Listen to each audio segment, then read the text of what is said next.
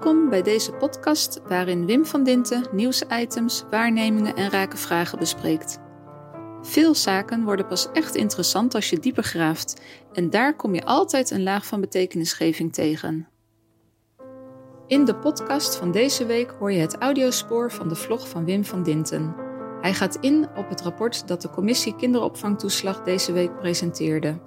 Zo'n 26.000 mensen die een toeslag aanvroegen zijn onterecht behandeld, mishandeld. Dit zag men wel, maar men deed er niets mee. Donder noemde dit hele proces institutionele vooringenomenheid. Waarom is het belangrijk dit te herkennen en wat zijn de verborgen oorzaken van het falende toeslagenbeleid?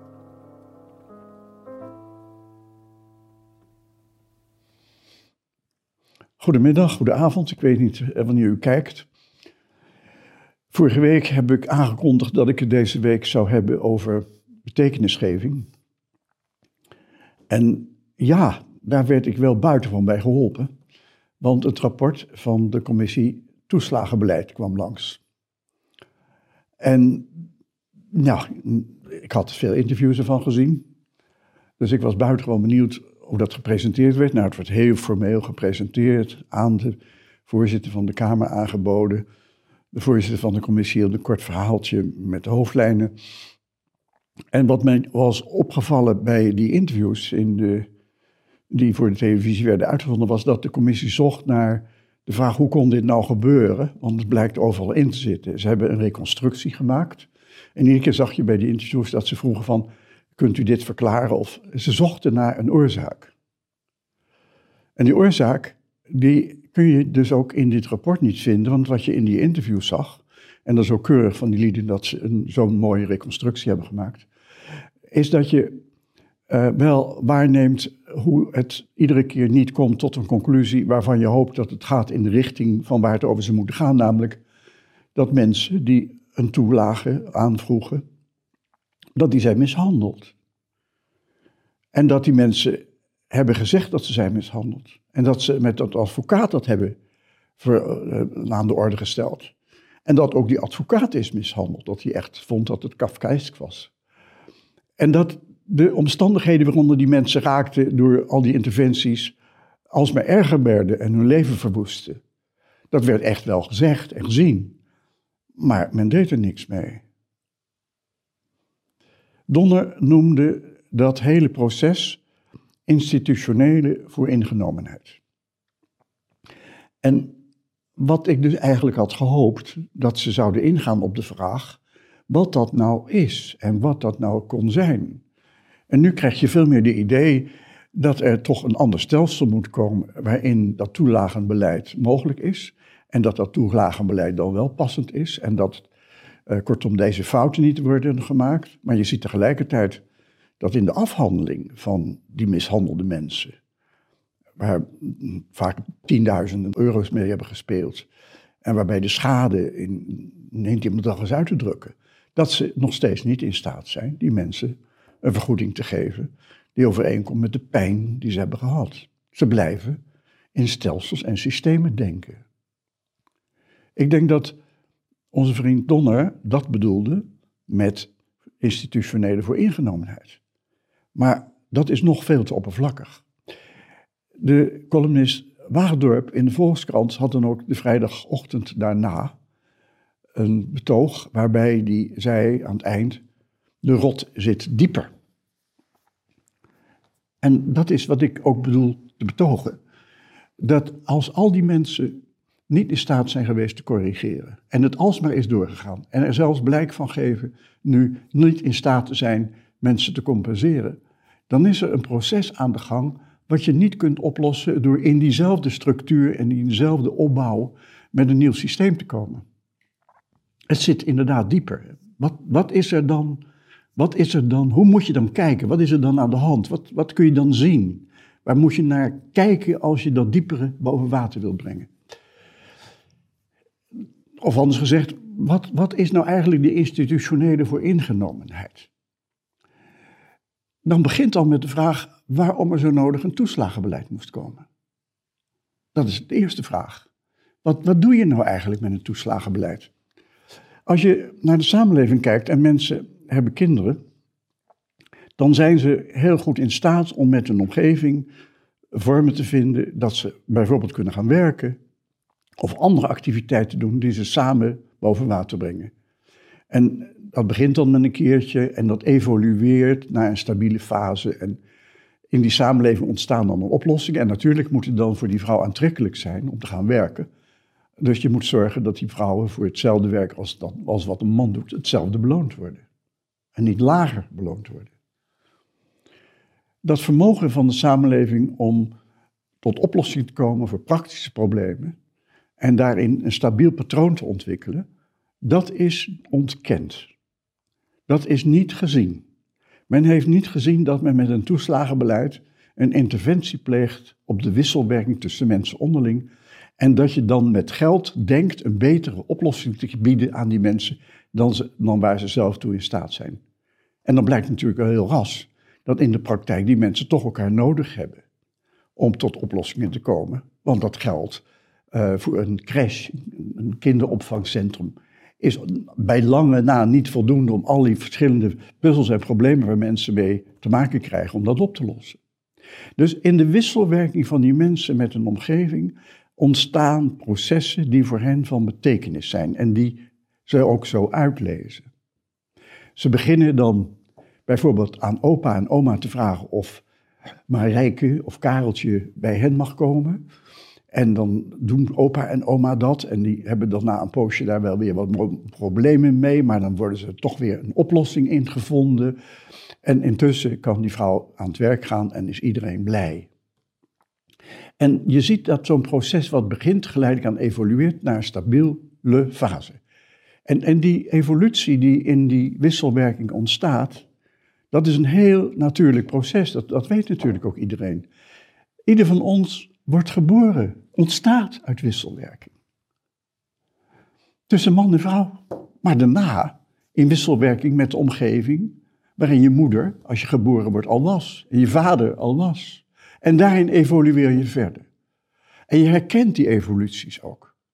En in die wisselwerking met je ouders ontstaat gehechtheid. Van je ouders naar jou, of van jou naar je ouders. En er ontstaat een familieband en er ontstaat een sociale, een groep sociale verbinding die bij ons niet zo heel sterk is als bijvoorbeeld in Afrika of in het Midden-Oosten. Het zit onder de islam als groep sociale betekenisgeving. En, en je ziet als, tegelijkertijd natuurlijk dat als je als kind geboren wordt, dat je leert lopen en het geleidelijk aan je lichaam leert bewegen en je leert praten. En na je zo 2,5 bent, dan ontdek je je eigen identiteit. Hè? Dan begrijp je hoe je zelf in die wereld staat.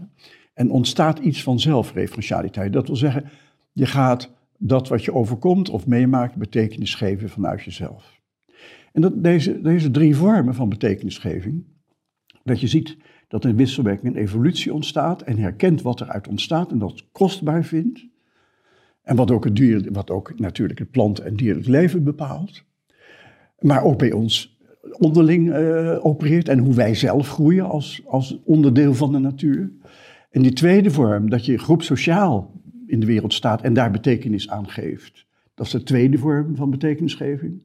En die derde vorm, dat je zelf in wisselwerking met je omgeving groeit en op enig moment dat wat je overkomt betekenis kunt geven vanuit jezelf. En dat zijn grondvormen van betekenisgeving die je ook terugvindt in dierlijk leven. Als je rondkijkt om je heen, eh, of een dierenfilm ziet, of je bent op safari in Afrika en je hebt de tijd om naar dieren te kijken, dan zie je dat ook. Er is een film Gunda over een zeug met twaalf biggetjes, die een jaar lang gevolgd wordt door een Russische filmer. En, en dan zie je dus al deze elementen ook in dat dierlijk leven ontstaan. En die man heeft het vermoedelijk, die film gemaakt, uh, om ervoor te zorgen dat mensen vegetariër worden, want eind worden die beesten geslacht. En dan zie je hoe wij met die vorm van betekenisgeving die die, die, die beesten onderling hebben, hoe wij daar dan mee omgaan.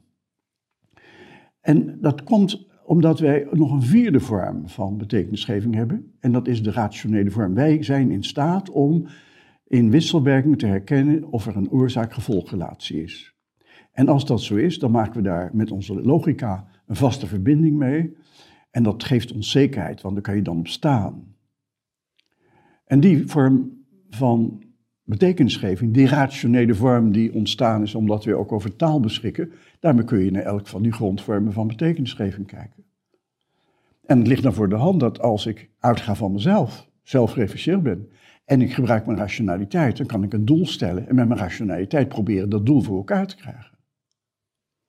De vraag is of ik dan nog steeds ook de beschikking heb over die sociale en die evolutionaire vorm van betekenisgeving. Want als die uit zijn, dan heb ik alleen maar een systeem om mijn doelen waar te maken. En al wat dat systeem aantast, wordt dan belangrijk. En dat de effecten van dat systeem, ja, als je helemaal in het systeem bent opgezogen, die zie je helemaal niet meer. En op het moment dat je een toelagenbeleid, een toeslagenbeleid hebt ontwikkeld om vrouwen in staat te stellen te gaan werken, dan doet een persoonlijke vrouw, een individu er niet zozeer op toe, dan gaat het om het systeem. En ineens begin je te begrijpen dat als dat systeem niet werkt en iemand komt in de verdrukking of wordt onrecht aangedaan, dat in dat stelsel van denken nog steeds men blijft geloven in het systeem en dat het werkt en dat dat het doel waarmaakt, terwijl het doel wat je hebt gesteld met je toelagenbeleid al fout was. Een van die mensen die geïnterviewd werd, Uiterbroek, zei: Het zit overal in. En wat het nou was, dat werd niet duidelijk, werd ook niet uitgevraagd. En doordat de commissie die zoektocht naar dat het niet deed, ontstond ook geen zoektocht naar institutionele vooringenomenheid waar Donner mee kwam als oordeel. Dat is ook wel opmerkelijk dat Donner daarmee kwam, want hij was voorzitter, vicevoorzitter van de Raad van State. En in het commissieverslag zie je dat het recht, de Raad van State, de rechter, de politici, zowel in de regering als in de Tweede Kamer, het ambtelijk corps, maar uh, misschien nog meer, die, die ik niet weet, misschien ook de journalistiek voor een stukje, dat die niet hebben gezien en niet hebben waargenomen wat er nou echt aan de hand was. En dat meneer Donner, die baas was, zeg maar, hoogste leidinggevende was van de Raad van State, dat hij daarna komt met een analyse waarin hij ook moet hebben gezien dat zijn eigen Raad van State het fout heeft gehad. Dat vind ik wel mooi van die man, dat hij dat alsnog heeft gezien en de switch heeft omgezet, dat iedereen ook in het ambtelijk apparaat zag, zo kunnen wij niet verder gaan. Onze vriend Wagendorp die zei, de rot zit dieper. Ik hoop dat ik nu enigszins heb aangereikt hoe je dan naar die rot moet kijken. En je begrijpt dan ook dat je dit niet meer kunt herstellen door een nieuw systeem te maken. Of door een minister te ontslaan. Of door ambtenaren de, hun congé te geven. Het zit in het feit dat je niet herkent wat er voor mensen toe doet. Het wordt nog pijnlijker als je realiseert dat de christelijke religie ook een vorm van sociale betekenisgeving heeft geïntroduceerd, die we dan noemen als christelijk sociale betekenisgeving. En die neerkomt op het fenomeen dat als iemand gevallen is, dat je hem helpt opstaan. En ook daar was geen sprake van. Terwijl dat de grondslag zou zijn van onze cultuur. Ook dat is dus verloren gegaan. En, en eigenlijk zie je dat in dat toeslagenbeleid en de manier waarop je dan naar de wereld kijkt, dat je dan niet zonder visie kunt. Dat, dat is natuurlijk ook het geval als je naar de COVID-epidemie kijkt en die, hoe je die bestreden wordt. Dan zie je ineens een premier die als bedrijfsleider puntjes op een één voor één noemt, waar je aan moet gehoorzamen, zonder ook maar enigszins te begrijpen, al tijden, niet te zien, dat de essentie van de bestrijding zit in het feit dat mensen aan de voet van de samenleving geholpen moeten worden, zich zo te gedragen dat ze in hun omgeving en omstandigheden de goede dingen doen. Dan zie je dat heel veel restaurateurs, ehm, eigenaren van restaurants, in staat zijn om dat te doen, maar ja, die worden over het hoofd gezien. Als je kijkt vanuit een doelstelling dat jij het weet en het met systeem moet oplossen. Op de dag van de commissieverslag had Trouw een hoofdartikel Onnodige miljoenen voor voedselbanken. Ik heb het hier voor me liggen. Noodsteun. Het kabinet kent sinds de coronacrisis miljoenen euro's toe aan voedselbanken. Dat blijkt tot nu toe niet nodig, maar subsidies blijven komen. Wezenlijk is daar, bij die voedselondersteunende voedselbanken, dat er allerlei mensen zijn die voedsel aanreiken. Dat kan doorgedraaid voedsel zijn, dat kan overschot zijn, het kunnen restaurants zijn die, geld, die, die voedsel geven. En dat werkt zo goed dat mensen daar hun bijdrage aan kunnen geven en dat ook prettig vinden en dat mensen die die hulp nodig hebben dat ook gebruiken. Maar je ziet ook daar opnieuw dat de overheid denkt dat ze met geld iets beter maakt dan het in de samenleving tot stand komt.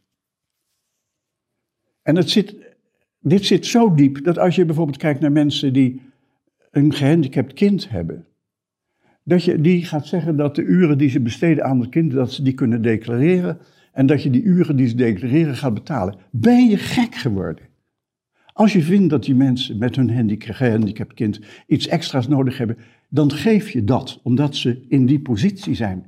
Maar niet als een werkgever die nog eens gaat controleren of gaat kijken wat iemand in die tijd gedaan heeft. Ben je gek geworden? Het zit in datzelfde complex van institutionele vooringenomenheid. En het zit dus ook in het prijzenakkoord, dat je denkt dat je met bedrijven die uitgaan van hun rationaliteit iets op kunt lossen wat in wisselwerking in de natuur tussen al wat leeft ontstaat. En het werkt natuurlijk ook niet. Maar we hebben klimaat ondergebracht bij economische zaken. Institutionele vooringenomenheid.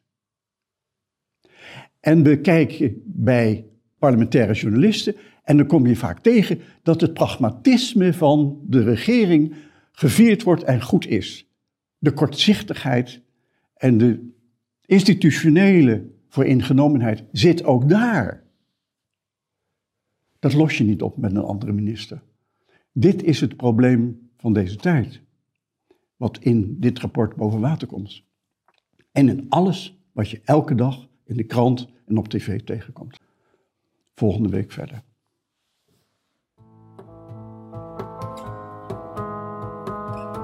Ben je nieuwsgierig geworden naar de vlog van deze podcast? Klik dan op de link die je vindt in de omschrijving. Kom je iets tegen waar we met elkaar eens grondiger naar moeten kijken? Laat het ons weten. Stuur een berichtje naar czen, of via Facebook, LinkedIn of Twitter.